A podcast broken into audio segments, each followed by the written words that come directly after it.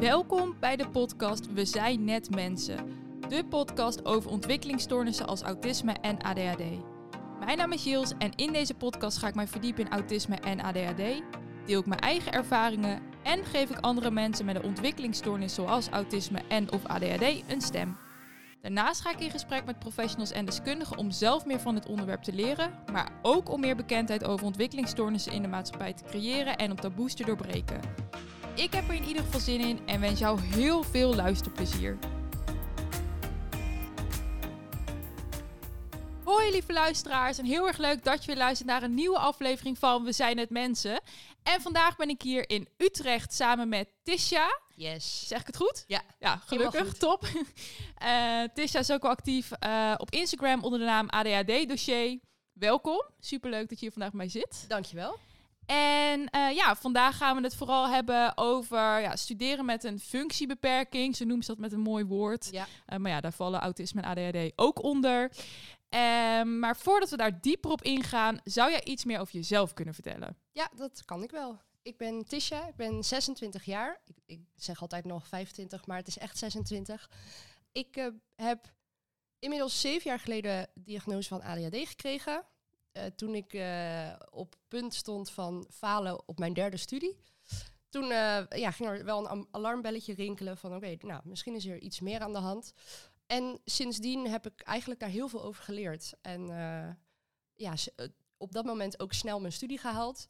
En nu ja, probeer ik andere vrouwen daarmee, eh, daarmee te helpen. Mhm. En dat doe je op je Instagram pagina. En dat doe ik op mijn Instagram pagina. Ja, oké. Dus jij was, als ik het goed heb, 19 toen je de Ja. diagnose kreeg? Ja, ik was 19 en ik, eh, nou ja, ik, ik was dus bijna mijn derde studie aan het, aan het falen.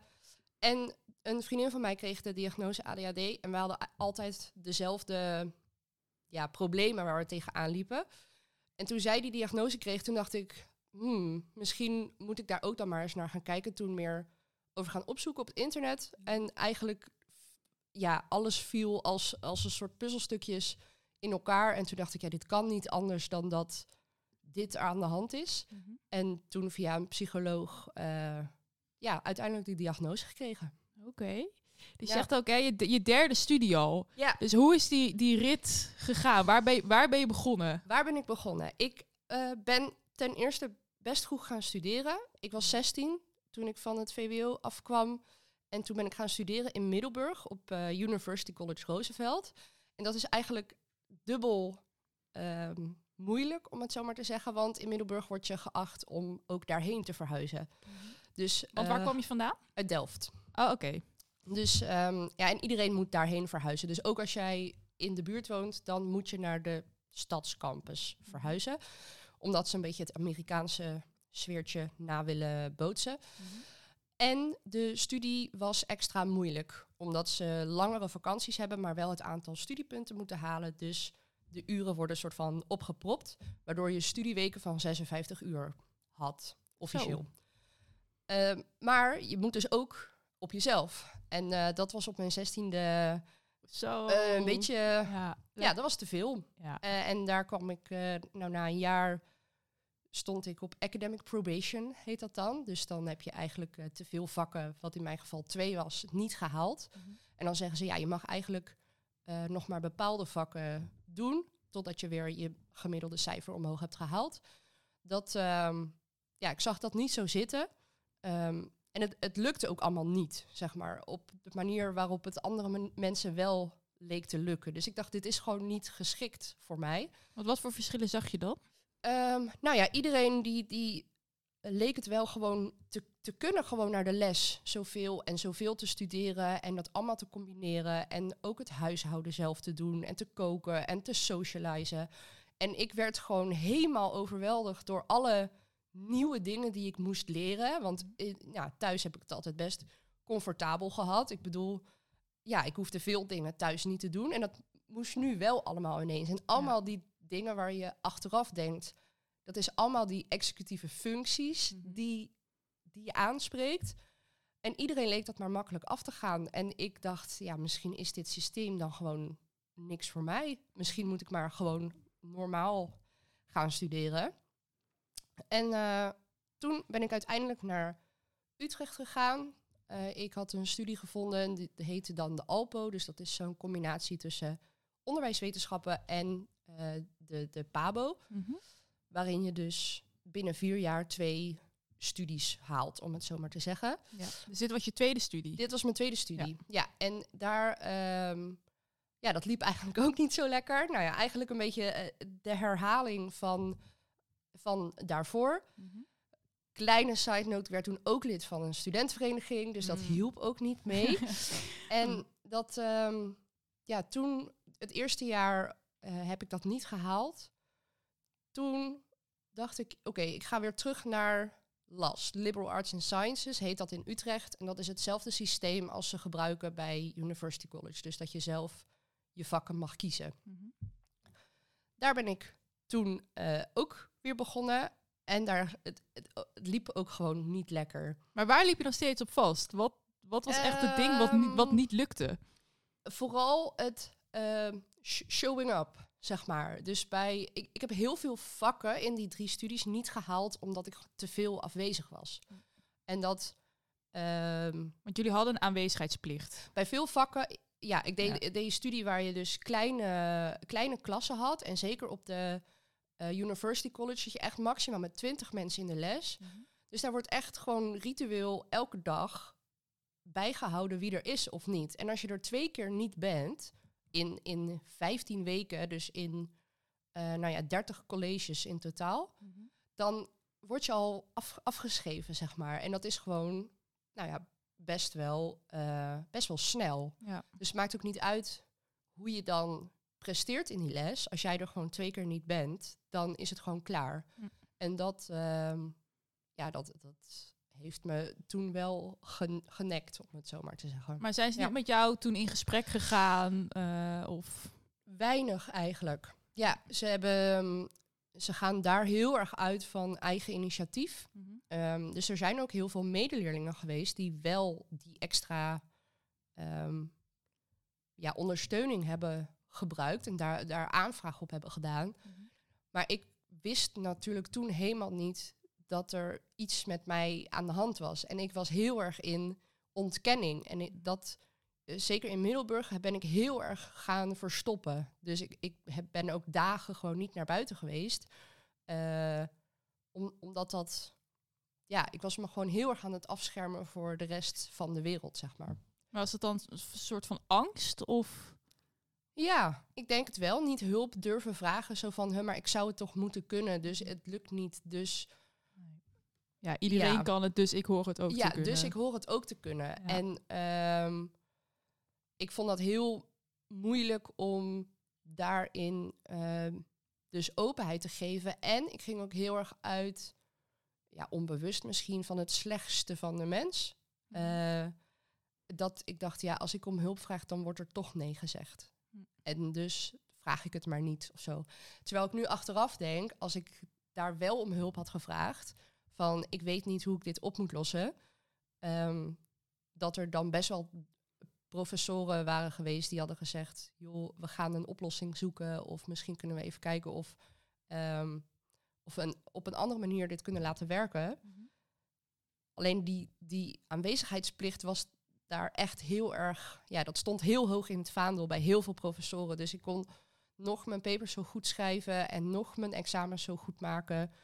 Maar als je er niet bent, dan ja, vonden ze dat moeilijk om daar dan nog iets voor te doen, zeg maar. Ja, en zeiden ze dat ook echt zo van eh, in je Ja. gezicht van ja, je bent te weinig aanwezig, Ja. dus... Precies. Ja, echt Ja. van, ook, ja, maar je komt niet, dus waarom zou ik mijn best voor je doen?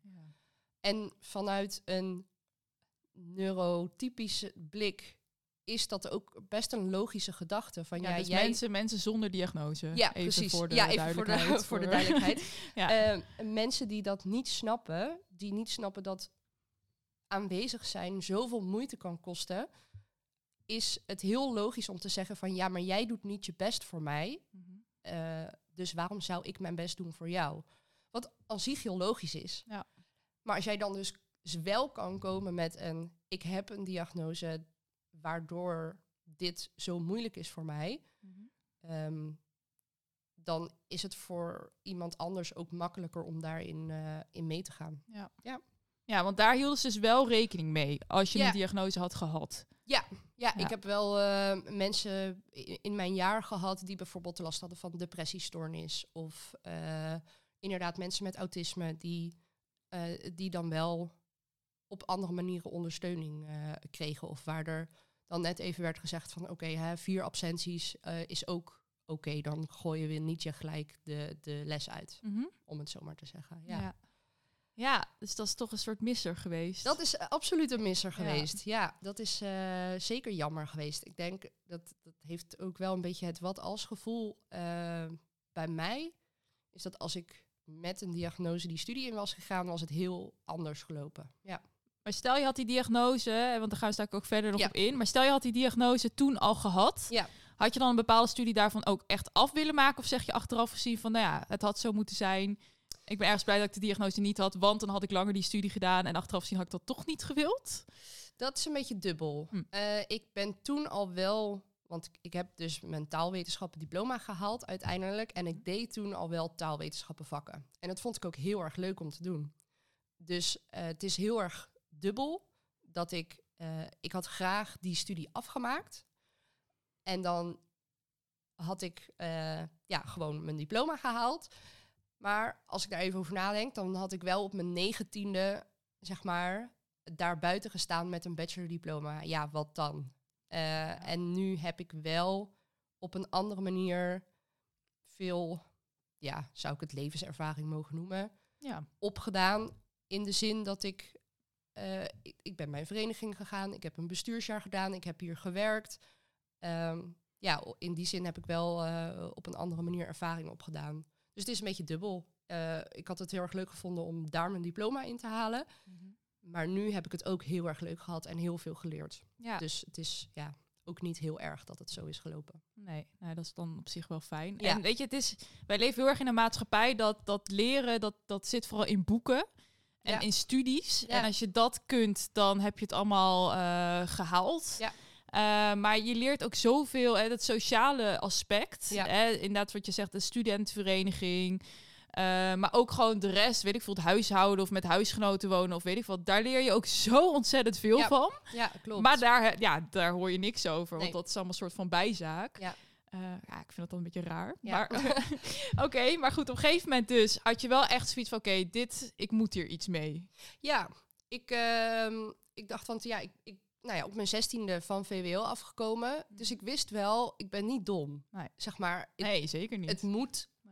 Op een manier moet het toch kunnen. Er, het ligt niet aan mijn intelligentieniveau dat ik een studie niet kan halen. Nee. Maar wacht, wacht, voordat we dan verder Ja. gaan, want dan ben ik wel benieuwd, hoe is dat op de middelbare school gegaan dan? Want Ja. jij was echt super jong toen jij dus je VWO-diploma haalde. Ja, ik was tien toen ik naar de middelbare school ging.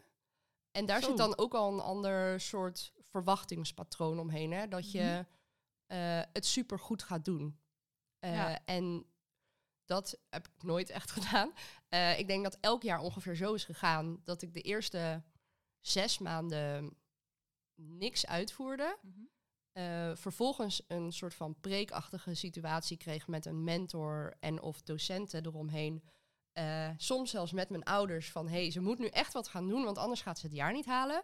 Vervolgens deed ik een maand super erg mijn best. En ehm, ja, toen kwam ik gewoon op allemaal weer voldoendes te staan en haalde ik het jaar. Ja, ja, Ja. precies. En, en dat is zeg maar de gehele periode zo geweest tot aan VWO 6. Ehm, in, ik denk dat ik in februari op, op falen op zakken stond voor mijn VWO-examen. En toen ehm, dacht ik, oh ja, nu moet ik het eigenlijk wel echt gaan doen. En toen heb ik twee, drie maanden hard gewerkt en toen heb ik het eh, gewoon gehaald. En dat zorgt er dus ook voor dat in je hoofd dat je denkt, dat kan wel. Mhm. Eh, maar toen ik eenmaal ging studeren, en zeker met een studieweek van 56 uur, ehm, op de middelbare school haal je dat nog in als je twee maanden heel hard je best doet. Maar hier moest dat veel vaker, zeg maar. Je kon niet een heel jaar wachten tot het echt moest en dan eh, twee maanden hard werken. Hier waren het periodes van 15 weken. Dus als jij op week 10 zeg maar was en dacht, oh, nu ga ik het e- niet meer halen, dan was je te laat. Dus dat, eh, ja, dat zorgde er wel voor dat het halen van dingen niet op dezelfde manier ging. Mhm. En daar was ik wel heel erg aan gewend geraakt in, op de middelbare school. Ja.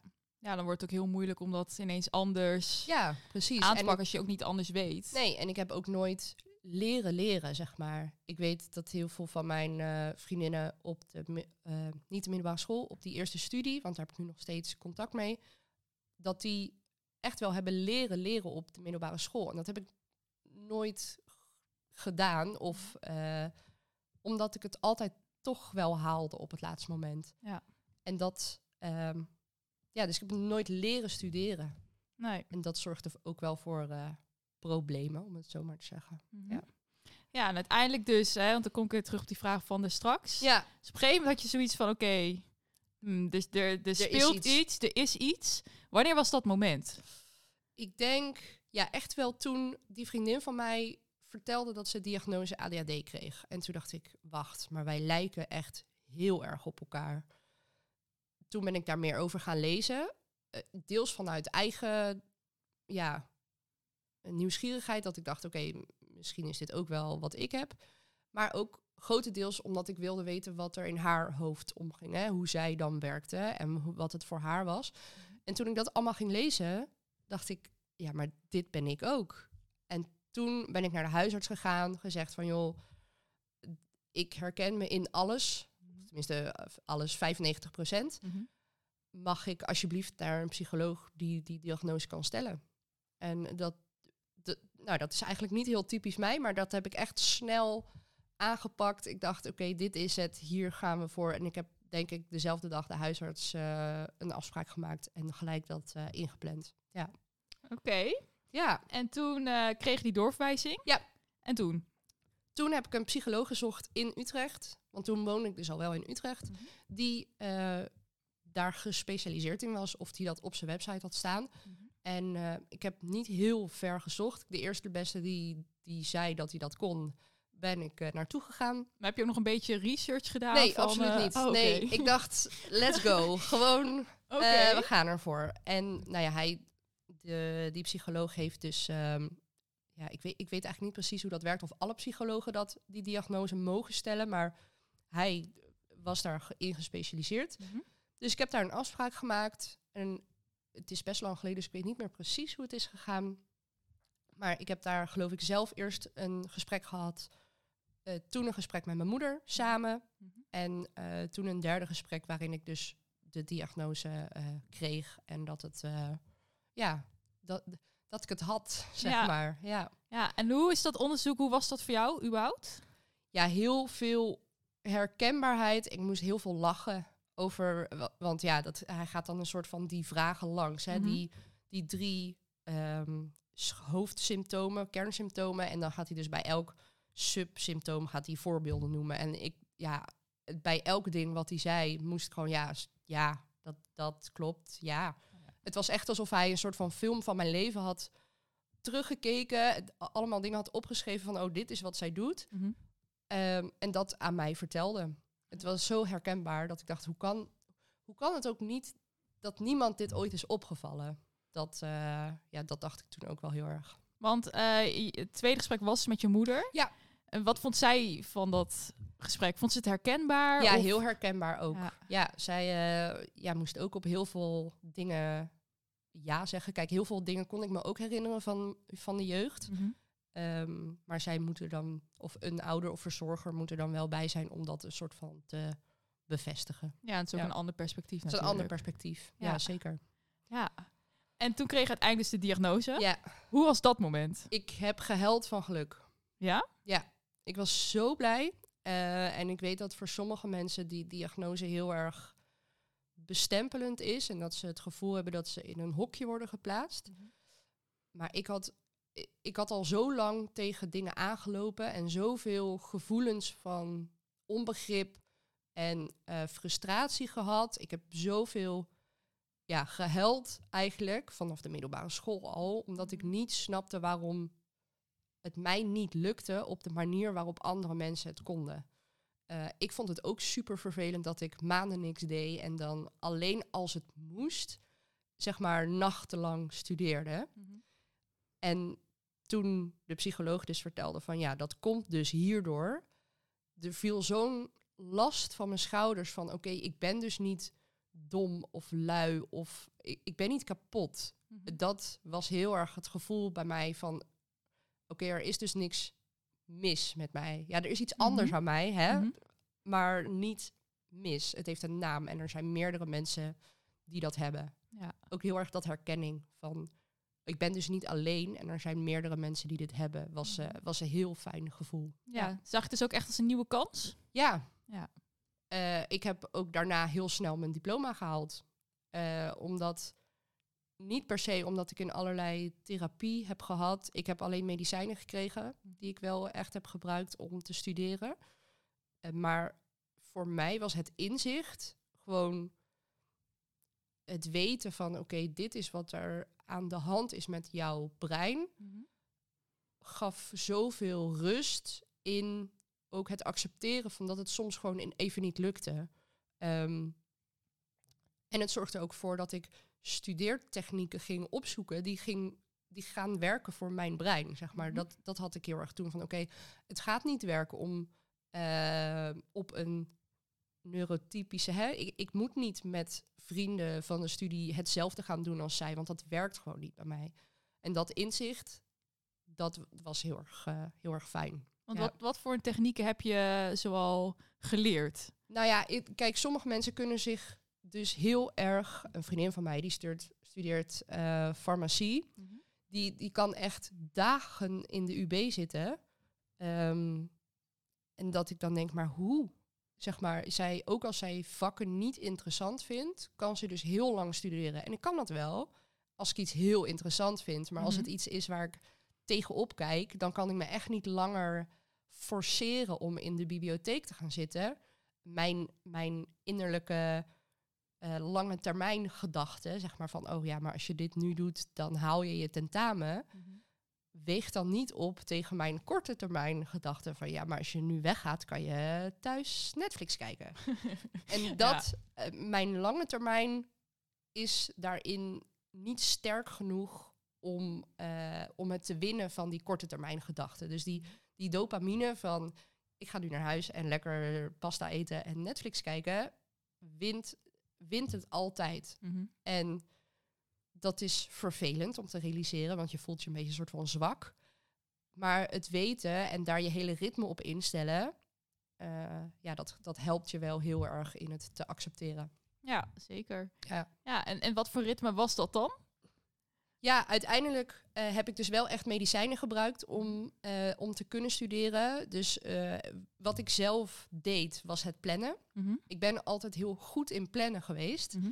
Alleen het uitvoeren van de Ja, planning, precies. dat is altijd het Ja, probleem. Ja, dat herken ik. Ja, ik kan heel goed vakjes kleuren met oké, dan ga ik dit vak doen en dan ga Mhm. ik dit vak doen en dan ga ik sporten. En dan alleen het uitvoeren is altijd het probleem. En daar hebben de medicijnen mij wel echt bij geholpen. Dus dan dacht ik, oké, ik heb nu vier uur om te studeren, of twee blokken van twee uur. Mhm.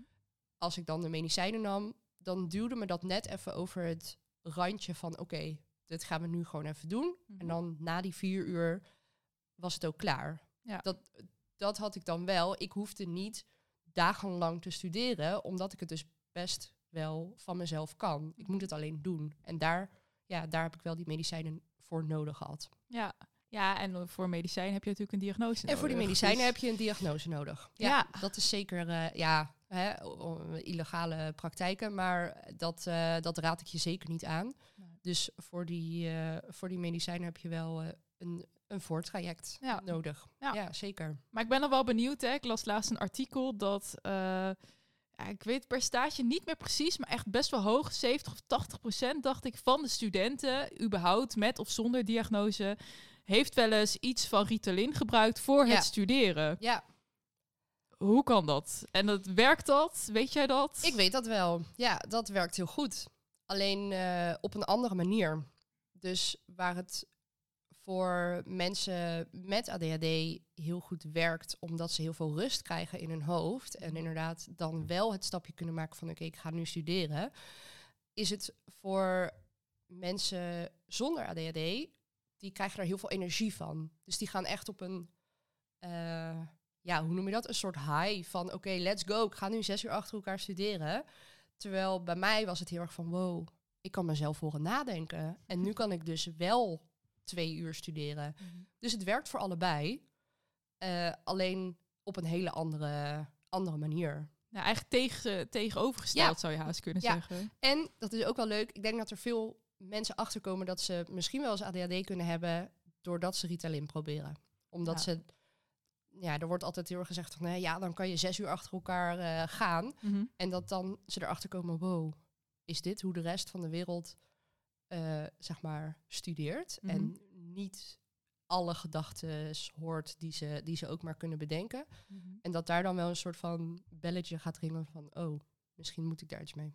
Ja, Ja. dat kan ook. Ja. Wel een klein nuanceverschil. Want ja, er zijn ook mensen natuurlijk met een diagnose waarbij medicijnen niet werken. Absoluut, ja, zeker. Ja, die Ja. zijn er ook. En eh, ook sommige medicijnen wel en andere medicijnen niet. Een vriendinnetje van mij die heeft ook laatst eh, diagnose ADHD gekregen en is begonnen met medicijnen. En ik eh appte haar. Ik zeg, hoe, eh, hoe was het? Want ik vond heel veel rust in die Mhm. medicijnen. Ik dacht, wow, dit is echt top.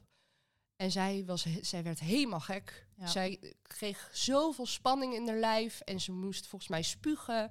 En ze, ze, ze trok het helemaal niet. Nee. Dus daar is zij heel, eh, heel snel weer mee gestopt. Terwijl ze de, exact dezelfde medicijnen kreeg als ik. Dus dat bizar, is ook hè? wel... eh, ja, ik heb heel erg geluk gehad met dat het in één keer een, een, een voltreffer was. Mhm. Ehm, maar voor, voor heel veel mensen is dat ook nog een hele zoektocht naar wat voor medicijnen moet ik slikken en welke hoeveelheid moet ik daarvoor nemen. Ja, absoluut. Je Ja. hebt eh, verschillende soorten, verschillende merknamen. eh, Absoluut. dus er is inderdaad heel veel keus. ja, er is heel veel Eh, keus. Heel veel minuutje, ehm, groot menu waar je uit Ja, kan kiezen. ja, en veel bijwerkingen. Dus Heel ik had veel op een gegeven moment wel een, een medicijn wat op zich wel werkte. ja. Volgens mij dexamfetamine deed het eigenlijk best oké op. En dat is niet stimulerend, toch? Jawel, die is wel stimulerend. Net zoals Ritalin, dezelfde werking. Ja. Ehm, alleen ehm, die bijwerkingen, ik zeg maar, ik had nul eetlust. Ja. Eh, en ze zeggen altijd na twee, drie weken moet dat overgaan. Want ik moest dat wel van mijn psychiater dagelijks slikken. Want dat werkt dan beter. Ja. Nou wilde ik eigenlijk al niet. Want ik wilde eigenlijk alleen, Alleen iets voor het studeren. studeren. Maar ja, Ja. dat eh, ja, ging zij niet helemaal mee akkoord. Dus nou, netjes geprobeerd. Een paar weken, volgens mij zes weken, zoiets volgehouden. Ja, Ehm, in het begin merkte ik er niet zoveel van. Eh, maar misschien omdat ik echt verwachtte in mijn hoofd... oh, dit is een wondermiddel en nu moet het alles het supergoed doen... dan kan Ja. ik alles. Nou, zo werkt Nee, dat, natuurlijk niet. Nee, je moet wel Eh, alsnog zelf dingen doen. Ja, Het gaat ja, niet zeker. voor jou studeren. Nee, helaas niet. Nee. Maar ik had echt nul eetlust. En ik eet best wel veel. En ik heb altijd trek. En dat had Ja. ik niet. En, Nee. en geen, geen zin ontbijt, geen zin lunch, geen zin avondeten. eh, snacks en dergelijke niet. En ik weet, je, ik, verplicht mezelf wel om te eten. Ja, want je Ehm, weet, ik moet iets eten, want anders val ik neer. Ja, precies. Eh, maar dat is zo tegen je natuur in. Ja. Eh, dus ik vond het zo vervelend en het ging niet over. Weet je, en alle tussendoortjes, die eet je al niet. Want het Nee. duurde al super lang voordat ik überhaupt mijn ontbijt op had. Ja.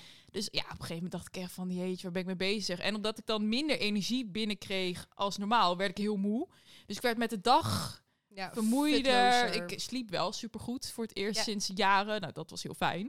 Maar ik was zo moe. Altijd moe. En toen dacht ik echt van, nee, dit ga ik Ja, echt niet dan ga je mee. afwegen van, werkt, de- wat zijn de Ja. voordelen, wat zijn de nadelen? Gaat dit mij voor de rest van mijn leven helpen? Ja, Inderdaad. precies. En dat is wel inderdaad een afweging die je moet maken. Want als je vervolgens helemaal niks eet, ja, dan kan je leuk concentratie hebben, maar dan kan je alsnog niet studeren. Want dan, want dan zit je de hele tijd van, oh, ik heb zo weinig energie. Mhm. Dus dat is wel een afweging. Ja, absoluut. Ja. En dan even een ander thema waar ik er ook wel benieuwd naar ben. Ja. Eh, ehm, wat ik ook steeds vaker lees, nou ja, de basisbeurs is eh, afgeschaft in Ja. 2015. Dus Ja. ik val in de generatie eh pechgeneratie. generatie. Ja, dus ik lees wel ook, ook mensen die al wel de diagnose, bijvoorbeeld autisme of, of ADHD, die hebben echt zoiets van, oh jee, studeren kan ik dat wel, ik moet lenen, Ehm, straks haal ik mijn studie niet, Ja, dan zit ik met een studieschuld en geen diploma, wat Ja. moet ik doen? Paniek. paniek. ja. Ehm, ja, zijn daar nog eventueel eh, regelingen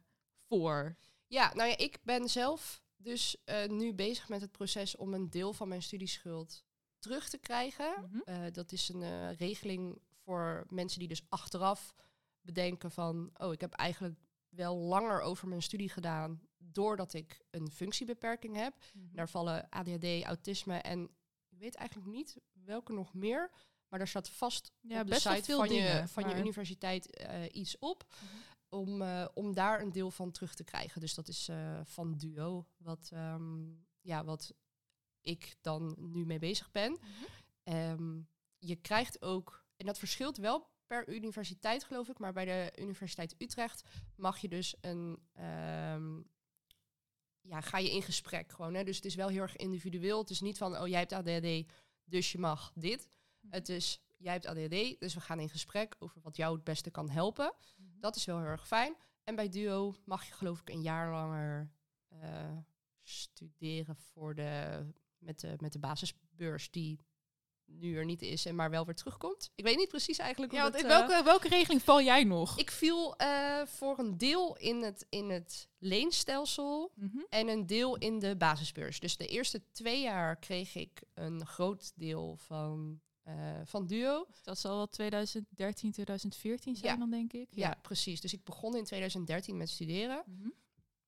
En daarna, dus het grootste deel eigenlijk in Utrecht zelf, heb ik wel eh, in het leenstelsel ge- gehad. En dat was vooral eh, toen ik, weet ik eigenlijk niet, toen ik wel met mijn derde studie begon, eh, toen heb ik ook bijgeleend. Hm. Dus ik heb uiteindelijk best een forse, forse studieschuld opgebouwd. Ja. Ja.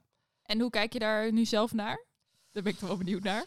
Ehm, aan de ene kant is dat jammer, want het, het zorgt voor veel beperkingen. Je hebt altijd het idee in je achterhoofd van, oh, ik moet echt nog zoveel geld terugbetalen. Aan de andere kant, ik heb nu een mail gekregen met hoeveel ik volgend jaar moet gaan terugbetalen. En dat is 25 euro per maand. Dan denk ik, ja, dat is best te overzien. Mhm. En voor hoeveel plezier en lol en eh, hoeveel ik daarvan heb geleerd, is me dat het achteraf wel waard geweest. Ja. Had het op een andere manier gekund? Zeker. Want als ik dus wel op mijn zestiende was gaan studeren met een diagnose, had ik niet zo'n hoge studieschuld gehad. Nee. En komt dat dan puur ook... Want heb je daarnaast nog eigenlijk gewerkt? Ja, ik heb altijd gewerkt. Mhm. Alleen eh, ook altijd het uitgegeven. Ah, kijk. dus ja. dat, eh, ja, dat is ook wel weer een beetje een, een puntje van dat ADHD. Hè. Als ik het geld heb, dan geef ik het uit. Mhm. En als je weet, ja, je weet dat je, je, weet dat je het doet. Mhm. Alleen de hulp daarbij krijgen of vragen is wel nog een, een stapje verder. Mhm. En ook wel toen ik eh, uiteindelijk klaar was met studeren, dan realiseer je dat wel meer, maar dat is ook een deel van volwassen worden. Maar als je dat vanaf het begin weet, kan je daar ook wel vanaf het begin eh, meer hulp bij krijgen. Ja. Ja. Want wat voor hulp kun je daarvoor krijgen? Nou ja, gewoon überhaupt me- dat mensen weten van... eh, oké, het financiële is ook een aspect van ADHD. Mhm. Laten we daar wat meer op, eh, op focussen. Ja. En dat is een deel mensen die jou begeleiden vanuit de universiteit. Ehm, maar ook vanuit mijn ouders. Hadden die, zeg maar, eh, dat... Hoe zeg ik dat? Niet beter kunnen weten. Mhm. Ehm, maar daar, vanuit daar had dat ook ehm, makkelijker gekund. ja. Ja, Vooral maak het bespreekbaar, denk ik. precies. Ja. Ja. en nu was het heel erg van... Oh, ik heb al het geld, ik heb het verdiend, dus ik ga het uitgeven. Mhm. En ook niet slim uitgegeven aan feestjes, aan kleren die niet passen en die ik niet terugbreng en dan eh, ongedragen in je kast liggen. Ja. Dat soort dingen. Ja. Oké. En je zei dus, je bent dus eh, bezig met een deel van je studieschuld kwijtschelden. Ja. Ehm, ja, hoe werkt dat precies? Want je hebt dus later die diagnose gekregen. Ja. Dat kan dus wel gewoon. Ik ehm, heb eh, de diagnose gekregen toen ik bezig was met mijn derde studie. En daar, doordat ik ADHD had, heb ik er dus langer over gedaan. Nou, ehm, kan je dus gewoon een aantal formulieren downloaden, krijgen bij, eh, bij je universiteit. Ik heb dat gedaan door contact op te nemen met de studentendecaan. En gezegd van, joh, ik heb bij jullie gestudeerd. Ik heb daar vet lang over gedaan, omdat ik niet wist dat ik ADHD had. Help mij, want er is een regeling. Ik weet alleen niet hoe, dus help mij. En mijn studentendecaan was daar heel erg behulpzaam in. Die eh, heeft even de situatie met mij doorgesproken. Eh, heel niet oordelend ook. Hè. Dat vond ik heel erg fijn. Dat ze, ze hield het gewoon heel erg feitelijk. Van oké, dit is er gebeurd. Ehm, je hebt er zo lang over gedaan. Waardoor denk je dat dat komt? en geen moment dat ze zei van, oh ja, dat is niet zo handig. Of oh, dat is wel een beetje raar. Of dat vond ik heel erg prettig. En toen aan het eind van dat gesprek zei ze, oké, eh, ik ga je twee formulieren sturen. Die moet jij, één moet door een medisch professional worden ingevuld. En eentje moet door mij worden ingevuld. Ehm, zorg dat je de gegevens daarvoor al alvast op, op invult. Mhm. En stuur het dan terug. En dan ga ik ze opsturen naar Duo. En dan hoor je binnen negen weken of zo hoor je, hoor je iets. Dus daar ben ik nu op aan het wachten. Oké, dus je, hebt Ja. nog geen, je weet nog niet wat het resultaat ik weet is. nog niet wat het resultaat is. Oké. En het, het kan zelfs zijn dat Duo in eerste instantie nee zegt. Mhm. Ehm, deze tip kreeg ik van Francine Regeling. Ik weet niet of Mhm. je die kent. Die eh, heeft daar ook een heel stuk over geschreven in haar, in haar nieuwe boek. Eh, maar dat hoofdstuk is al los uit. Dus dat kan je al, zeg maar, eh, kopen. Ze zegt, neem geen genoegen met nee. Want eh, Duo zegt heel snel, nee gaan we niet doen. Nee, natuurlijk niet. Gewoon Ja. bezwaar maken. Ja. Zeg maar, je mag tot negen jaar nadat je klaar bent met studeren, mag je nog aanspraak maken op die regeling. Dus eh, blijf, blijf doorgaan met, met proberen. Dus Ja. dat, als ik doen. nog nee krijg, dan ja, weet je, en ook al is het maar eh, 2000 euro. 2000 euro is toch 2000 euro. Ja. ja, we zeggen maar. Hè. Ja. 2000 euro is voor heel veel mensen veel geld. Ja, maar als je het hebt ook- over studieschuld en lenen... en helemaal met nieuwe leenstels is 2000 euro tegenwoordig is helemaal niks. Nee, precies. Nee, ik heb eh, een studieschuld van 50.000 euro. Ja. Dus op, op een studieschuld van 50.000 euro is 2000 euro relatief gezien best weinig. Ja. Maar het is toch 2000 euro Ja, die je niet hoeft af te lossen. Nee. Het is toch een maand werken. Ja. Dus ja. Nou, goed om te weten. Jij zegt dus 25 euro per maand. Dan weet ik ongeveer wat mij te Ja. wachten staat. Dus eh, dat is fijn. Ja. Oké. Ehm, en verder, hè, want als je een diagnose hebt... en je had dus ook nog andere voorzieningen kunnen aanvragen, vaak bij Ja. hogescholen en dergelijke. Ja. Hoe was dat op jouw school geregeld? Want als ik ervan begrijp, heb jij daar geen... Nee, ik heb daar gemaakt? geen gebruik van gemaakt. Nee. Ik eh, ben heel erg. Ik was heel erg geholpen met die medicijnen. Ik heb wel wat er geen officiële regelingen waren, maar ik ben wel heel erg preventief met docenten in gesprek gegaan. Dus uiteindelijk studeerde ik taalwetenschappen Mhm. en ben ik wel heel erg, eh, want ook dat waren kleine klassen. Dus ik ben eigenlijk bij elk vak naar de docent toegegaan van, luister, ik heb dit. Eh, het kan best zijn dat ik misschien een dag te laat ben met ehm, iets inleveren. Ehm, mocht je daar klein beetje soepel mee om willen gaan, zou ik dat heel erg waarderen. En de meesten die, die zeiden ook van ja, dat is goed. Kan ik je nog ergens anders bij helpen? Helpt het jou als ik, eh I don't know, drie dagen van tevoren nog zeg van hey, de deadline komt eraan, ga nu werken, anders, eh, anders ga je het niet halen.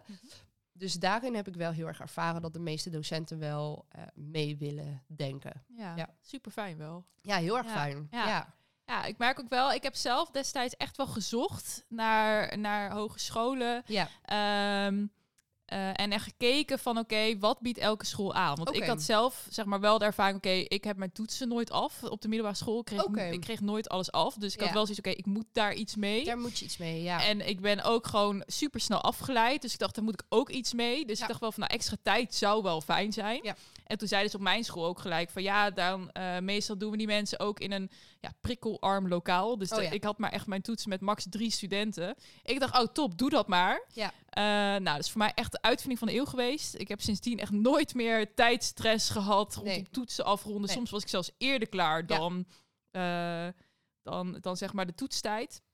Maar gewoon dat je weet van oké, ik mag er langer over doen. Ja. Eh, hier zit een, eh, ja, hoe noem je dat, examinator of zo, die de tijd neemt. En die ook van tevoren zegt ze ook altijd van, hé, neem rustig de tijd. Ja. Eh, je hoeft niet te haasten. nee, precies. En meestal zijn het wat oudere mensen, die hebben dan een krant mee of een puzzelboekje. Dus Ja. ze zeggen van, oh, wij vermaken ons wel. Nou, top. ja, maar nee, die, ja. die eh, geruststelling, dat, dat verschilt al zoveel. In plaats van dat je in een zaal zit met mega veel mensen die de examinatoren die er eigenlijk ook liever niet zijn. Mhm. Dus die sociale druk heeft dan al zoveel invloed op hoe jij een, een toets of een examen gaat maken. Ja, absoluut. Dus ja. dat is wel ja. iets. En, en iets heel persoonlijks inderdaad, waar je eh, goed bewust moet zijn wat voor jou het beste werkt. Ja, ja, en het is gelukkig wel al op steeds meer scholen dat het steeds beter wordt. Ja. Maar er zijn nog steeds ook onderling qua hogescholen en universiteiten is, zijn wel die voorzieningen en dergelijke en wat er aangeboden wordt, is nog wel ja, er zit nog wel een wereld van verschil in. Bij de ene school bieden ze meer aan dan bij de andere school. Ja. Sterker nog, ik heb vaak het idee dat ze op, op HBO's en universiteiten soms nog wel meer kunnen aanbieden aan mensen dan eh, mensen die MBO doen. Ehm, eh, want ik ging toen, eh, ik heb nog gekeken naar FAVO-onderwijs, was onderdeel toen ook van, van het MBO, was dat toen. Mhm. En ehm, want ik dacht eerst, van, oh, misschien wil ik doorstuderen. Dan moet, heb ik een eh wiskundecertificaat nodig. Eh, nou ja, dat. dus ik dacht, oké, dan ga ik ja. dat dus doen via Favo als ik dat wil doen. Dus ik vroeg dat wel. Van, goh, qua eh, voorzieningen kan ik extra tijd krijgen en dergelijke. Dat komt daar niet. Dus toen dacht ik wel van, oké, Ja. wat is daar dan de reden voor? Ja, dat wisten ze zelf eigenlijk ook niet, maar dat deden ze daar gewoon niet. Toen dacht ik wel van, oh, dit bestaat dus echt gewoon. Nee. Dat, dat je niet die hulp kunt krijgen die jij nodig ja, en dat is hebt. wel het voordeel van een grote universiteit. Dus Ja. ze hebben daar al veel meer ervaring mee. Ja. In mensen die dat hebben aangegeven. Ik heb dit nodig om goed te kunnen studeren. Mhm. Ja, maar toen merkte ik wel echt van, wow, dit is dus waar ook veel mensen tegenaan lopen. Dat ze wel weten, goh, ik weet wat ik nodig heb. Ja. En Maar ik kan het gewoon niet krijgen. Het is er niet. Toen nee. dacht ik echt van, wow, dit is zo'n eye-opener. Want ik moet wel toegeven dat als ik om hulp vraag rondom studie, ehm, dan lukt me dat gewoon in één keer en dan krijg ik het voor elkaar. Ja. En nu dacht ik echt van, wow, dit is echt de andere kant. Ik dacht van, Ja. oh, dat is wel een soort eye-opener Ja, ook. precies. Ja. Ehm, en waar ik eigenlijk ook wel benieuwd naar ben, ik denk ook wel een beetje als laatste. Ja. Ehm, ja, wat, wat zou je mensen willen meegeven die studeren, die misschien mogelijk iets hebben En het nog Eh, niet weten. en het nog niet weten, Ja. of die het misschien al wel hebben, of die vastlopen? Verzin het eens. Verzin het. Ehm, ja, wat ik, nou ja, ik zal het even in het perspectief doen van wat had ik mezelf eh, willen zeggen aan Mhm. het begin van die studie is vraag om hulp. Ja. Want dat had, eh, ja, ik wil geen, geen sentimenteel verhaal ervan maken op het laatst, maar dat had echt zoveel geschild voor mij. En eh, realiseer je dat mensen er zijn voor jou om, om je te helpen. En er zit misschien af en toe een rotte appel tussen, maar de meeste docenten en mensen die op je universiteit of je, eh, je hogeschool of je eh, MBO werken, zijn er voor jou en willen met jou meedenken. En als je iemand treft die dat niet wil, dan zoek je iemand anders. Want ja, ze, je bent misschien gewend van de middelbare school, dat had ik zelf heel erg. Dat ehm, ik dacht dat docenten er waren om mij het leven zuur te maken. Alleen dat is niet zo. Die mensen zijn er voor jou, die willen jou zien slagen. Dus vraag om hulp en leg uit. Ja, dat, maar dat is super moeilijk om uit te leggen natuurlijk. Mhm. Ehm, probeer uit te leggen waar je mee dealt. En als je dat niet uit eigen woorden kan, eh, zoek online naar mensen die daarover delen. Nou, hè, mijn Instagram-account, maar eh, als jij tegen autisme aanloopt, eh, of als je denkt dat je dat hebt, er zijn mega veel resources eh, en bronnen waar, waarin wel onder woorden wordt gebracht wat jij voelt waarschijnlijk. Neem dat gewoon mee. Ik zeg ook, ook wel eens mensen die vragen van ja, ik heb een gesprek bij de huisarts voor een doorverwijzing, wat moet ik dan doen? Ik zeg nou, hou een dagboekje bij van twee weken en elke keer als jij denkt, oké, dit is iets waar ik tegenaan loop, waarvan ik denk, dit is maar de autisme of het autisme, eh, of de ADHD waar ik tegenaan loop, schrijf het op en neem het mee. Dan loop je niet het gevaar dat je bij zo'n gesprek zit en zegt, eh, ja, ik weet eigenlijk niet zo goed wat er misgaat, maar Mhm. dat je gewoon al op hebt geschreven, dit is waar ik tegenaan loop. Ja. En als iemand, ja, het is ook een, een soort van vechtlust, maar als je iemand tegenkomt die, die zegt van, oké, maar slimme mensen kunnen geen ADHD of autisme hebben, of oh, je bent al zover in je studie, dus het kan geen ADHD of autisme zijn, dan, dan trek je de deur dicht en dan zoek je iemand anders. Want het kan wel. En eh, laat, je, laat je niet tegenhouden door mensen die nog een heel oudbollig beeld daarvan hebben. Dus Ja. zoek de juiste hulp, want die is er echt eh, voor jou om, om je te helpen ja, vervullen wat je wel echt kan. Ja, mooie woorden. Dank je. Ehm, ja, ik wil jou heel erg bedanken voor vandaag. Ja. Ehm, waar kunnen mensen jou vinden? Eh, op Instagram, ADHD dossier, dubbel S. Ehm, En daar eh, deel ik over mijn leven met ADHD en eh, probeer ik het ook zo herkenbaar te maken voor andere vrouwen met ADHD. Ja, helemaal top. Ja, Dankjewel. Eh ook jou als luisteraar wil ik weer heel erg bedanken voor vandaag. Vond je dit een leuke aflevering? Laat het vooral even weten. Eh, mocht je zelf ervaringen hebben rondom studeren met een functiebeperking of nog vragen hebben, nou, je kunt eh, altijd bij mij terecht. Je kunt bij Tisha terecht. Onze DM's zijn altijd open. En ja, hopelijk tot de volgende keer. Yes, tot Doei, de volgende doei. keer. Doeg!